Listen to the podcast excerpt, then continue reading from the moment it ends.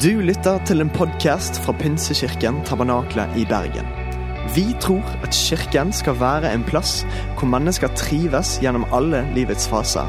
En kirke for hele livet. Ønsker du å bli bedre kjent med oss eller holde deg oppdatert? Besøk vår Facebook-side eller ptb.no. Her er ukens tale.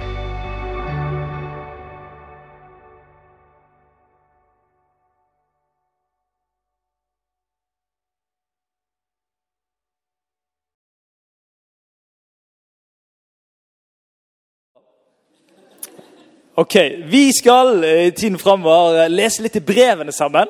Eh, Og jeg skal ha gleden av å begynne med et brev som kanskje du har lest gjennom og tenkt sånn Nei, hva skjedde der? Det er veldig kort. Det er veldig sånn Du kan lese det, og hvis du leser det litt sånn overfladisk, så tenker du litt sånn internt, litt sånn personlig. Hva er greien med dette brevet, egentlig? Og så er det sånn at nå skal jeg få gleden av å vise dere noe av dybden med Bibelen, som gjør at noe som er kan se litt eh, sånn, ikke overfladisk ut, men kan se litt sånn, hva er dette egentlig har så masse greier i seg. Og Det er litt over grunnen for at vi gjør bibelserier. Det er for å inspirere deg og eh, gi deg lyst til å lese sjøl. Jeg kan ikke lese for deg. Du må lese sjøl. Jeg har vært i Haugesund i helgen. Jeg hadde så lyst til å etterligne det hele tiden, men jeg holdt igjen, så nå måtte jeg gjøre det nå når jeg først kom. Er det noen fra Haugesund her? Ja, det er noen fra Haugesund. Heia. Kjempebra. Ok. Um, sant, Du må lese sjøl. Sånn er det bare. Det er ikke sånn at liksom, mennesket mennesker i 2021 ikke må lese Bibelen sjøl.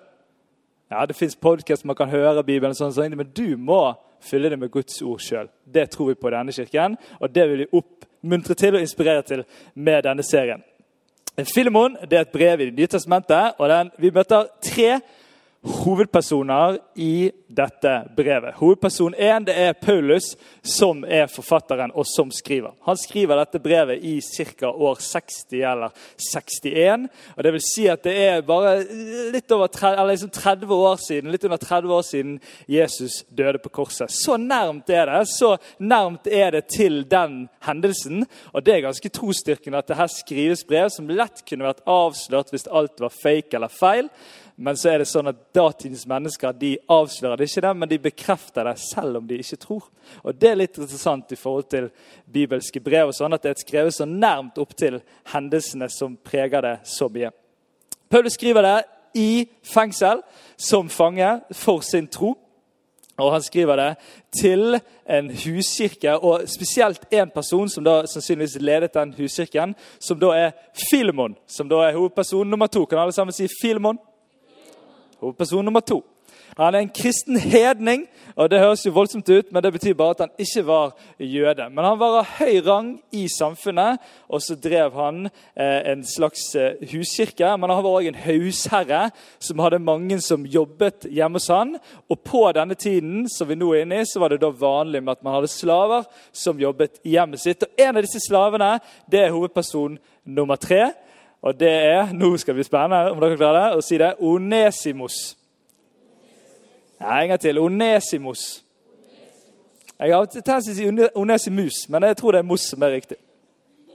Han er altså tidligere slave i hjemmet til, til, til Filemon. Han, det som er liksom Dramatikken i historien er at han er slave der, og så rømmer han og Han også mest sannsynlig stjeler noe, og så rømmer han fra det hjemmet. Men så møter han Paulus, og det diskuteres om han møter Paulus i Rom eller Efesos. Men det har ikke så mye å si. Men han møter Paulus, og så blir han en kristen, og så blir han en medarbeider av Paulus. Og Det er her dramatikken skjer, folkens. Det er her det utspiller seg en, en, en, litt sånn dramatisk fortelling i at Paulus skriver egentlig dette brevet med hensikt til ønsket om at Filemon skal tilgi Onesimos. Og at de, deres forhold som var blitt brutt, skal bli forsont igjen. Og bli bra igjen. Datidens slaveri. Jeg hadde lyst til å si noe om det. For det kan være vi tenker sånn liksom, De verste slaverifortellingene vi har hørt, eller dagens moderne slaveri, som er helt forferdelig, da, den datidens slaveri var nok mer en del av samfunnsstrukturen. Det betyr ikke at det var bra eller at det var riktig. Du kan ikke stå med Bibelen og si at slaveri er riktig, selv om noen har gjort det. så tror vi ikke det. Men det var likevel litt mer normen og normaliteten. Og I Bibelen så hører vi om hvordan en herre skal behandle sin slave på en god måte. Og det var litt mer humant enn det som vi kanskje kan se for oss når vi hører at han var slave. Samtidig så er det en ganske heftig tid, dette. og det som det bruddet Onesimus Moss, oh, nå kommer jeg til feil, Mos eh, gjør når han både stjeler fra sin herre og rømmer, var sånne ting som de tok, tok fram i samfunnet tydelig for alle. Og f.eks. gjorde dødsstraff for å skremme, sånn at ingen andre slaver skulle gjøre det. Så det var et stort tillitsbrudd, en ganske heftig sak. Det er ikke bare en sånn liten greie, en liten uenighet der liksom Onesimus sa noe litt stygt, og så ble det litt dårlig stemning, og så stakk han. Her er det et ganske stort tillitsbrudd, og det er derfor jeg tror at Paulus må ta dette, denne saken og begynne å skrive et brev til Filemon. Og vi skal gå gjennom det brevet. Og du tenker hei, Anne, hvor lang tid skal denne preken vare? Men det er bare ett kapittel, folkens. Ja, ja, ja, det, det, er deilig med litt sånn jubel for det. Ja, ja, ja, ja det er greit, det. Ok, greit. Da skal vi lese. og eh, Tenk at dette er liksom en god mulighet for deg å, å, høre når jeg leser. sant? Og få liksom inn ordet i seg sjøl. Paulus, Kristi, Jesu fange, og vår bror Tibeteus hilser vår kjære venn og medarbeider Filemon. Og Vi hilser over vår søster Apia vår stridskamerat Arkippos og menigheten som samles i ditt hus. Nåde være med dere og fred fra Gud vår Far og Herren Jesus Kristus. Dette er en vanlig måte for Paulus å åpne sine brev. Vi har noen navn som kommer opp her. Apia kan være konen til Filemon. Vi er ikke helt sikre på det, men det kan være. Akrippos er sannsynligvis en forkynner i det området og sammen med Filemon der. Men det, Jesus, nei, det, Paulus gjør, og det gjør han veldig ofte i alle sine brev, så gjør han det, så starter han med en nådehilsen. Og Det som er spesielt med nådehilsen, det er at du vet at hvis du skal finne en, et menneske som liksom hadde catchet nåden fullt ut, så kan det godt være at det er Paulus som troner øverst på den listen. Han hadde både en personlig erfaring av nåden. Nemlig Han var en som jaktet på kristne for å stoppe den kristne bevegelsen. Og Så får han et møte med Jesus, og så blir han en medarbeider og en som får en viktig rolle av å fortelle budskapet om Jesus videre. Men han blir òg en av de viktigste, viktigste, teologene, eller de som får lov til å forklare disse viktige kjernedelene av budskapet vi tror på. Der står nåden midt i kjernen.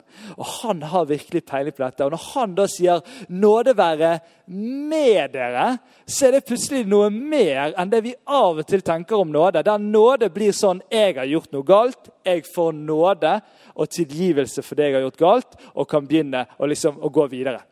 Mens nåden som er med oss i livet, det er noe veldig veldig mye mer. Vi skal komme mer tilbake til det òg. Men nåde være med dere.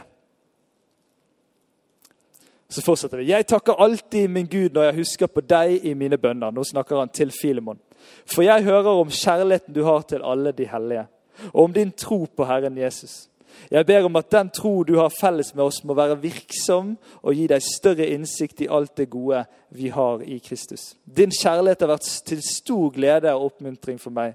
For takket være deg, bror, er de hellige ved godt mot. Det er ganske interessant å merke seg Paulus sin ledelsesform. For det, Nå er vi i en tid og det er sånn at Paulus han er en som planter nye menigheter og følger opp menigheter. Han har også mest sannsynlig en lederrolle overfor Filemon. Og Datidens lederform liksom, og system var veldig autoritær. Det handlet om å gi klar beskjed om hva som skulle gjøres. Gjorde du ikke det, så ble det straff, eller du var ute av laget. Sånn var det det opererte, og det var veldig ofte straff i forhold til voldelige straffer. Så det var masse fryktbasert ledelse. Og Paulus han var, han var trent opp i et sånt system der, der den jødiske religiøse elite som han ble trent i, de var sånn som dette. At de, de var preget av, av, den frykten for autoriteter og gjorde det og var egentlig bare sånne løpere for disse som var større, høyere oppe i rang. Og denne ledelsesformen det er det egentlig Paulus er preget av. Og i samfunnet var det nesten enda verre. Men så har det skjedd noe med Paulus som gjør at han er jo en relasjonell leder i en tid der det sannsynligvis ikke fantes. Han snakker om bror, han snakker om kjærlighet. Han er, han er nær, han er der. Og det, det, Vi tar det som en selvfølge, for vi tenker at sånn er det, men det viser noe av si, det voldsomme med det kristne budskapet, og hva det har gjort med han, og hva det har gjort med verden vår når dette kom inn som en ny måte å være medmenneske og ledere overfor hverandre på. Og så er det helt klart at Nå skal Paulus ta opp en litt sånn vanskelig sak. Som han egentlig bare kunne sagt sånn her. Hei, Filemon, bli ferdig med det. Her må du fikse opp i greiene. Du vet hva du har å gjøre, liksom. Han kunne tatt den veien, men så går han den relasjonelle veien. Og du vet at Relasjonelle utfordringer når det er en relasjon som er brutt, når noe er blitt brutt mellom to mennesker, så trengs det relasjonelle tiltak. Vi kan ikke kommandere, vi kan ikke tvinge. Vi kan ikke eh, liksom bare kreve. Her fins det det relasjonelle som må få plass, og det gir Paulus plass til. Vi leser videre i vers 8. I Kristus kunne jeg nå med full rett pålegge deg å gjøre den plikt. Han sier det som er, var vanlig i den tiden. Han kunne ha gjort det, sagt at du bare måtte gjøre det. Men for kjærlighetens skyld vil jeg heller rette en bønn til deg. Her er jeg, den aldrende Paulus, nå også som Kristi, Kristi Jesu fange. Og jeg ber deg, Onesimos, barnet som jeg har fått her mens jeg sitter i lenka. En gang var han unyttig for deg, men nå er han nyttig både for meg og deg. Det virker å være så vanlig å forvente å bare få beskjed av sin leder om hva du skal gjøre, at Paulus opplever at han må si fra. At 'jeg skal ikke tvinge deg'. Jeg kunne gjort det etter de systemene som er, så kunne jeg gjort det, men jeg vil ikke gjøre det. Jeg vil gå en annen vei. Av og til er det sånn at mennesker har så forventning av hva som skal sies, og hva de hører, at de hører det de vil høre. Og Kanskje det er det Paulus vil unngå her med å si sånn Nei, nei, nei, nei. vi skal ikke gjøre det på den måten, Filemon. Her finnes det en annen vei. Vi leser videre. Går det greit? Ja, ja, ja vers 12. Når jeg nå sender ham tilbake til deg, er det som at jeg sender mitt eget hjerte. Jeg vil gjerne ha beholdt ham hos meg, så han kunne ha hjulpet meg i ditt sted når jeg nå bærer lenker for evangeliets skyld. Men uten ditt samtykke vil jeg ikke gjøre noe. For det gode gjør, skal ikke skje tvang, men frivillig. Vi har noen sånne barn hjemme. Og de, de, de gjør himla mye rart i løpet av en dag. Og Det gjør at vi, eh, vi, får behov for å si sånn Nå må du det der må du si unnskyld for. Du må si unnskyld for at du, eh, for at du, eh, du bet broren din. Sant? Du må si unnskyld. Og, og, Det der er en litt sånn interessant greie som vi gjør. Og både gjør vi det som foreldre, og det skjer nok litt rundt omkring i barnehager. og sånn. Nei, nå må du si unnskyld. Nå må du si unnskyld. Men kan man tvinge noen til å si unnskyld? Og Jeg vet jo hvordan det går med mine gutter når jeg sier det. Du må si unnskyld. sier jeg sånn, unnskyld. Så sier jeg, du må si det så skikkelig. sier jeg, Unnskyld. Og sier jeg, ikke skikkelig. Så, jeg vet ikke hvordan de skal si det skikkelig, sant? for de mener jo ikke en drit engang. sant? Man kan ikke tvinge mennesker til å si unnskyld. Vi har lært oss til en greie hjemme, våre gutter spesielt, at vi må si sånn Du, Jonathan, det der, det der syns jeg at du skal si unnskyld for. Og du kan si unnskyld når du er klar for det. Så går han rundt litt, og så kan han da komme tilbake. Og aldri noen annen gang når vi har prøvd å få de tvinge de til å si unnskyld, så hører du den oppriktigheten som du hører når han kommer tilbake og sier 'Unnskyld, Alfred. Jeg skulle ikke ha skylt bilen din ned i do.' Sett? Og det er helt fantastisk. hvis du, det, det trengs litt tid, da. Og det trengs frivillighet for å skulle tilgi og for at forsoning skal skje. Vi har så lyst til å si ja, men du må, du skal, det er det beste. Liksom, vi, vi, vi, vet noe der, og så kan vi bli sånne som, som krever enten av noen andre eller av og til kanskje litt av oss sjøl. Men så trengs det noe tid for at dette kommer av innenfra oss og kommer ut som noe ekte. For ellers så blir jo det ikke forsoning hvis vi bare sier ordene for å si dem.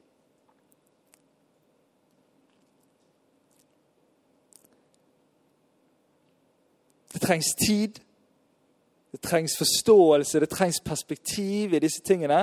Og så trengs det masse Guds kraft. Og igjen denne nåde være med dere. Det er den kraften til å både kunne tilgi og be om tilgivelse. Jeg tror faktisk det er en veldig viktig oppgave som kristen. Det er å lede mot forsoning på forskjellige måter. Enten i sitt eget liv eller inn i andre menneskers relasjoner. Det å alltid peke på at det beste er å bli venner igjen. Eller det beste er å rydde opp, eller det beste er å, å si at noe var vanskelig, å snakke med den som det var vanskelig med. Vi kristne er liksom utfordret til å leve litt annerledes i akkurat dette segmentet. For det som skjer, folkens, det er at vi lades opp av vanskelige relasjonelle brudd. Hvis ikke det ryddes, så lades vi av det, og så går det utover de nye menneskene som vi møter. Du vet at Om et menighetsfellesskap er fullt av en historie med mange relasjonelle brudd, så vil man vite ganske sikkert at det vil til komme mange nye relasjonelle brudd på forskjellige måter. Hvis ikke det ryddes, hvis ikke det forsones, så vil det skapes igjen og igjen fordi at vi bærer det med oss, og så plutselig blir vi sånne. Istedenfor at vi får lov til å være sånne som forsones eller peker mot det. Eller eh, utfordra mot det. Jeg husker spesielt i studietiden en kompis som hadde et stygt brudd med kjæresten. og Han var så bitter og sint. Jeg husker jeg prøvde hele tiden ja, men kan det være om en stund eller om en tid at du kan tilgi. Kan det, det er en mulighet. Husk at det går an. For bitterheten vokste så grådig i han. Han hadde ganske rett til å være bitter. Hun hadde gjort noe hun ikke skulle gjøre, men jeg så jo det, hva det gjorde med han. Det var ikke bra for han. For det som skjer er at Hvis vi har all den bagasjen i oss, så begynner vi å, å, å, å bli sinte på folk for ting som egentlig noen andre har gjort. Jeg har lært meg det når jeg, når jeg har gjort noe dumt. sant? Det gjør jeg til. Og så blir noen liksom veldig sint på meg. Sånn mye mer enn det jeg har gjort. Det kan skje, kanskje spesielt i meningssammenheng av og til. Og Da skjønner jeg, da, da, har jeg lært meg å forstå at okay, den personen er ikke sint på meg nå for det jeg gjorde, men fordi det jeg gjorde, minnet den personen om noe som skjedde for lenge siden, som den ikke har ryddet opp i, og som er veldig sårt og vanskelig, og så bare tar han alt utover meg. Fagspråket heter det projektisering. At du lar noe som har skjedd med deg tidligere, gå utover noen andre mennesker. Og Dette er alvorlig, folkens. Vi er skapt til relasjoner, vi er skapt til fellesskapet vi er skapt til nærhet. Og hvis vi bærer med oss masse uoppgjorte greier, eller fortsetter å være uoppgjort i mange sånne vanskelige ting som skjer, så er det så vanskelig å være nær, og vi kan ende opp med å la det gå utover holdt på å si uskyldige mennesker foran oss i fortellingen. Mennesker er vanskelig fordi de har det vanskelig eller har hatt det vanskelig. Det er litt greit å vite hvis man møter mennesker som er litt vanskelig. Det er ingen som har lyst til å være vanskelig for å være vanskelig. Det er fordi at de har det vanskelig. Og Det kan hjelpe oss i møte med sånne ting, så ikke vi blir vanskelig i møte med de som er vanskelig. Vi fortsetter. Kanskje ble han tatt fra deg en stund for at du skal få beholde ham for evig. Ikke lenger som slave, men som noe mye mer, som en elsket bror. Det er han sannelig for meg. Hvor mye mer må han ikke da være det for deg, både som menneske og i Herren? Her er det noen som mener at Paulus hinter frampå kan han få lov til å bli en fri slave. Kan du fri han fra den rollen han hadde i hjemmet? Men jeg tror allikevel det handler dypest sett om den relasjonelle forsoningen som skal skje, der de skal bli venner igjen, der tilliten skal gjenoppbygges mellom dem. Og så ber Paulus om en ny sjanse for Onesimos. Han bruker sin posisjon, sin relasjon til Filemon, og utfordrer han til å gi Onesimos en ny sjanse.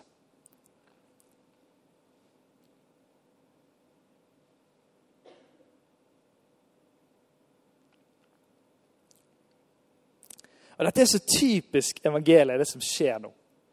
For det, og, Fortellingen om Onesimos videre er at han sannsynligvis blir en av lederne i, i, i kirkene i Efesos. Og Han dukker opp i et brev fra kirkefader Ignatius som gjør at han blir, blir en av de fremste lederne i tiden. Fordi at han fikk en ny sjanse.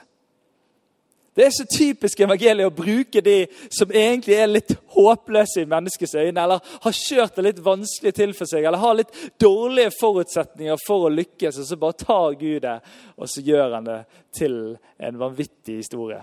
Hele vår bevegelse, altså pinsebevegelse Du er en pinsekirke, og pinsebevegelsen den startet med mennesker som på ingen måte, hvis de hadde brukt hodene sine og strategier, kunne skapt den verdensbevegelse som er i dag. De satt en gjeng der i Azusa Street, og det var han som ledet det, var en afroamerikaner. Og, og Han het William Seymour, og han kunne bare se på ett øye, så det var litt ironisk. Og så er det sånn at han leder fram en bevegelse som forandrer hele verden, og fortsetter å gjøre det. Det er den største kirkebevegelsen i dag. I vekst, og snart òg i antall. Han satt der, hadde ingen sjanse, hadde ingen autoritet, hadde ingen rolle som gjorde at han kunne liksom bare fikse greiene og snakke med litt kontakter. Men Gud bruker det. Det er så typisk evangeliet. Det er så typisk Gud.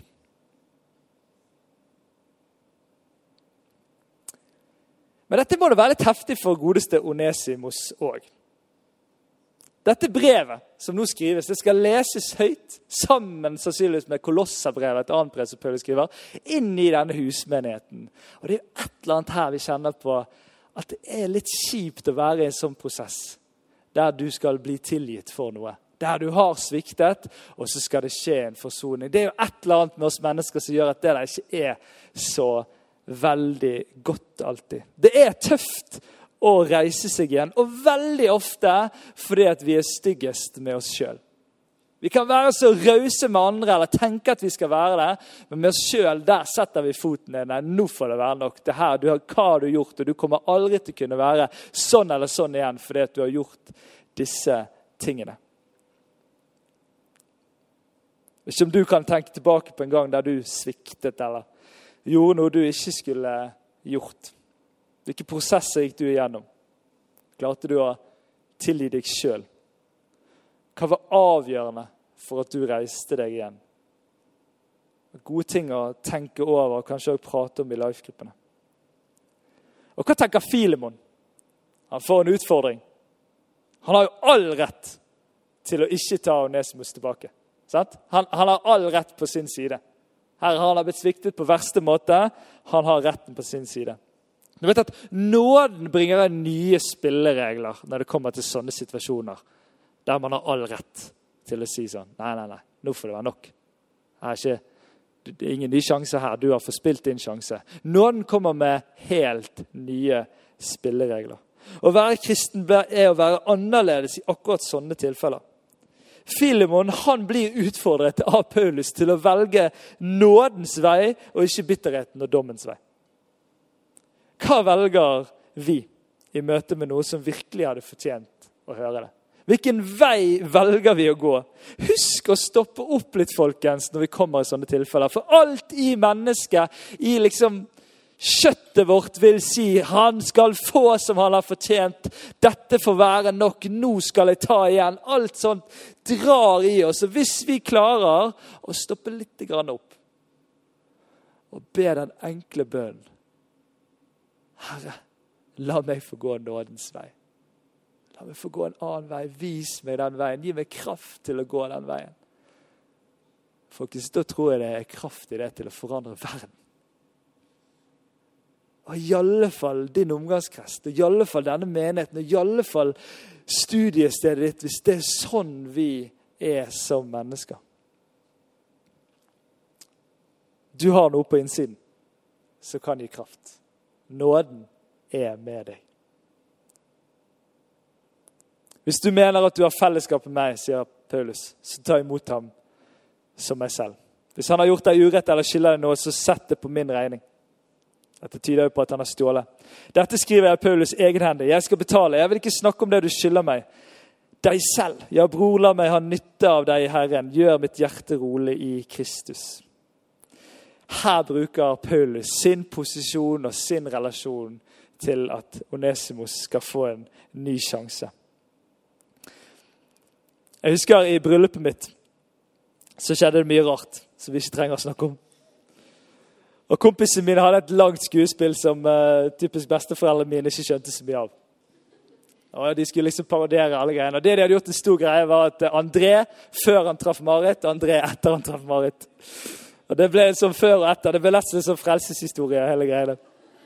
Og Der liksom snakket de om André før han, så var han jeg var veldig sosial og, med på veldig mye og var veldig eh, litt sånn midtpunkttype. Og, og Da liksom lagde de et skuespill som pekte på at jeg tok all oppmerksomheten.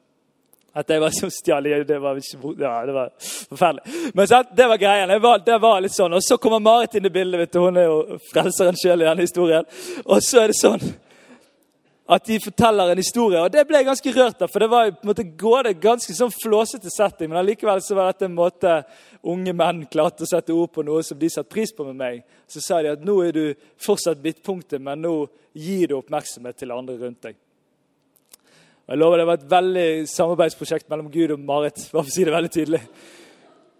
Eh, men det hadde skjedd noe i en periode i livet mitt. og Jeg kan peke tilbake på viktige opplevelser med Gud og viktige ting som gjorde at de så denne endringen. Og så pekte de inn. Og det var sånn, wow.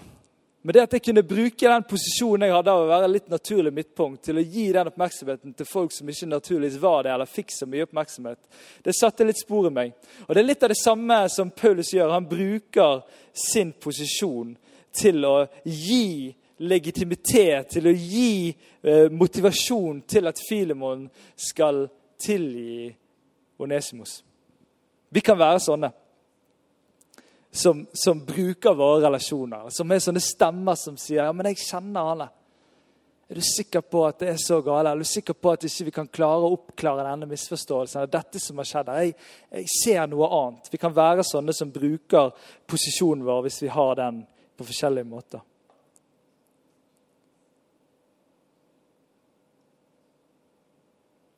Jeg har hatt glede av å sitte i rom med sånne brutte relasjoner og se hva som skjer når de blir forent. Av å være en kristen som får være med og peke mot at her kan vi komme sammen igjen. Selv om det ser så håpløst ut. Det er helt fantastisk. Det er nåden i praksis. Det er en sterk gudsopplevelse når det skjer, når den klemmen skjer, når avstanden var veldig stor når man kom inn i rommet. Det er nådens kraft.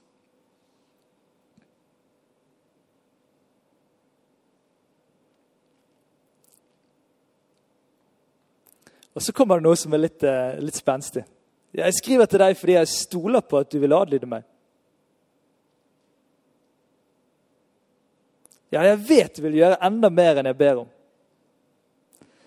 Snakker vi manipulasjon nå? Snakker vi Paulus liksom jeg går liksom kjærlighetens vei, relasjon, og så bare Men jeg vet hva du kommer til å gjøre. Du tør ikke gjøre noe annet. Eller er det Paulus som snakker tillit inn i Filemon. Jeg har sett hvem du er, Filemon. Jeg har sett hva som bor i deg. Jeg har tro på deg. Kan det være at det er mer i den veien enn at det er en sånn der Husk på, jeg, jeg er sjefen din. Hør da, Vi kan være sånne som snakker tillit inn i hverandre. Vi kan være sånne som bruker ordene våre og sier sånn, men jeg har sett hva du er bygd av. Jeg har sett hva du, hva, hva du har i deg du kan, du kan gjøre noe annerledes. Vi snakker tillit, vi snakker de opp. Ord skaper, folkens. Og Hvis de skaper negative ting, så kan positive ord skape positive ting. Og Så kan vi snakke inn der noen kanskje er på vei til å gjøre et eller annet som er dumt for både de og for andre. Og de har kanskje all rett til det, men det er ikke bra. Så kan vi si men jeg har sett noe annet i deg. Ord av tillit. Elsker når kristne brødre jeg må si det, for jeg føler virkelig at jeg, at jeg har noen sånne brødre som sier sånn Men jeg har sett noe i deg. Når jeg snakker meg sjøl ned, eller når jeg er på vei inn i et eller annet sånn eh, destruktivt spor. Det er fantastisk.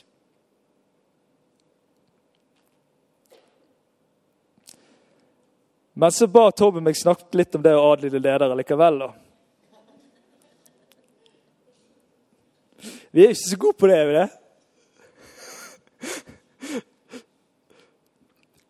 Hvordan, tenker du at du står under et lederskap?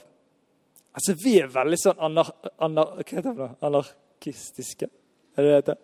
Vi liker liksom ikke sånne ting. sant? Men dette Bibelen er veldig tydelig på ledere og, autoritet og masse greier. Så det er ikke bibelsk å være sånn norsk greie, egentlig. Det bibelske skal være sunn fornuft og ikke la deg lure og tenke sjøl og sånne ting. Men det er ikke usunt å stå under et lederskap. Det er ikke usunt å si at pinsekirken er mitt hjem, og pastorene der er mine pastorer og mine ledere. Det er ikke usunt. Det kan være sunt. Det kan være bra. Jeg elsker å stå under lederskap. Det ansvarliggjør meg. Det gjør at jeg, jeg, blir utfordret når jeg har lyst til å gå noen veier som ikke er så smart. Jeg, det er bra å stå under sunt og godt lederskap. Ikke, ikke la dere lure av liksom, samfunnsgreien på det der. Det går an å stå under sunt lederskap likevel. Er du fornøyd, Tobben? Han har ikke sagt det, så jeg bare får si det veldig tydelig. Jeg tror også med lederskap det er også de tingene vi snakker om nå, lederskap er en gave til sånne situasjoner av og til. og Det er det som jeg har fått lov til å være med på noen ganger. Jeg sitter som leder, litt objektiv, ikke liksom tatt en eller annen side, der noen kan komme inn og si sånn Dette ble vanskelig for oss å løse opp sjøl. Eller de har bedt om en samtale. Kan vi, jeg sagt, kan vi sammen gå og snakke med denne personen som det er litt vanskelig med, og så kan vi finne ut av det, så kan vi løse opp det. Lederskap gir sånne muligheter, folkens. Det er positivt når det er sunt og godt. I forhold til det som har med brutte relasjoner eller vanskelige ting som skjer i forhold til mennesker rundt oss.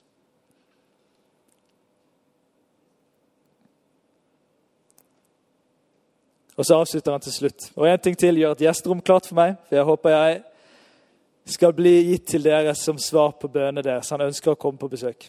Epafras, min medfange for Kristi Jesus skyld, hilser deg. Det samme gjør Markus, Aristerkos, Demas og Lukas, mine medarbeidere. Herren Jesu Kristi nåde være med deres ånd. Når Den norske kirke starter hver eneste gudstjeneste med å lyse ut nåden, så er ikke det inflasjon i nåde. Men det er en forståelse av at dette er det vi skal gi. Hvis det er bare dette du kan få når du kommer her, denne nåden som er med deg, som er i deg, som virker i deg, den må du ha. Derfor starter Paulus der, og så avslutter han akkurat der. Du, du vet at historien om Onesimus er jo historien om oss. Det forteller fortellingen om hver enkelt av oss. Vi har alle sviktet på en eller annen måte. I alle fall i møte med vår Gud, så har vi det. For vi klarte aldri og kan aldri klare å leve opp til den standarden som måtte til for å komme til fellesskap med Gud alene. Derfor så var vi helt avhengig av at noen brukte sin posisjon. På samme måte som Paulus brukte sin posisjon sånn at for at Filemon skulle tilgi Onesimus, så gjør Jesus det samme. Han bruker sin posisjon som Guds sønn, og så forsoner han oss mennesker med Gud. Det var brutt, og så ble det forsont. Satt sammen med den sånn som det var ment til å være. Nåden gir oss jo oss bare nye sjanser. Men den gir oss kraft og uendelige nye sjanser. Det er en ny vei, det er en annerledes vei som både gir oss kraft til å handle annerledes framover, men også å få nye og nye sjanser. Jeg så for meg et bilde når jeg forberedte meg til denne preken. Fordi det, det, det, det, frustrerer meg at vi som kristne tuller til denne delen av og til. For den er så sentral at, det blir noe annet hvis vi tuller til denne delen. Det blir noe annet enn den kristne tro. Og Da ser jeg for meg bilder av at nåden den må gå fra hodet, folkens, til det vi forstår, og det vi kan tenke, og det vi kan fundere over. Og så må det ned i hjertet. Og Når nåden kommer ned i hjertet, da preger det hvordan jeg ser på meg sjøl hvordan jeg behandler meg sjøl. Så preger han hele meg. Og så får nåden lov til å fortsette bevegelsen ut i våre hender. Ut i våre handlinger, ut i hvordan vi møter andre mennesker. Det er nåden i oss. Det er nåden være med dere. Det er fortellingen om oss som mennesker sammen med Gud i oppdraget av å elske verden tilbake til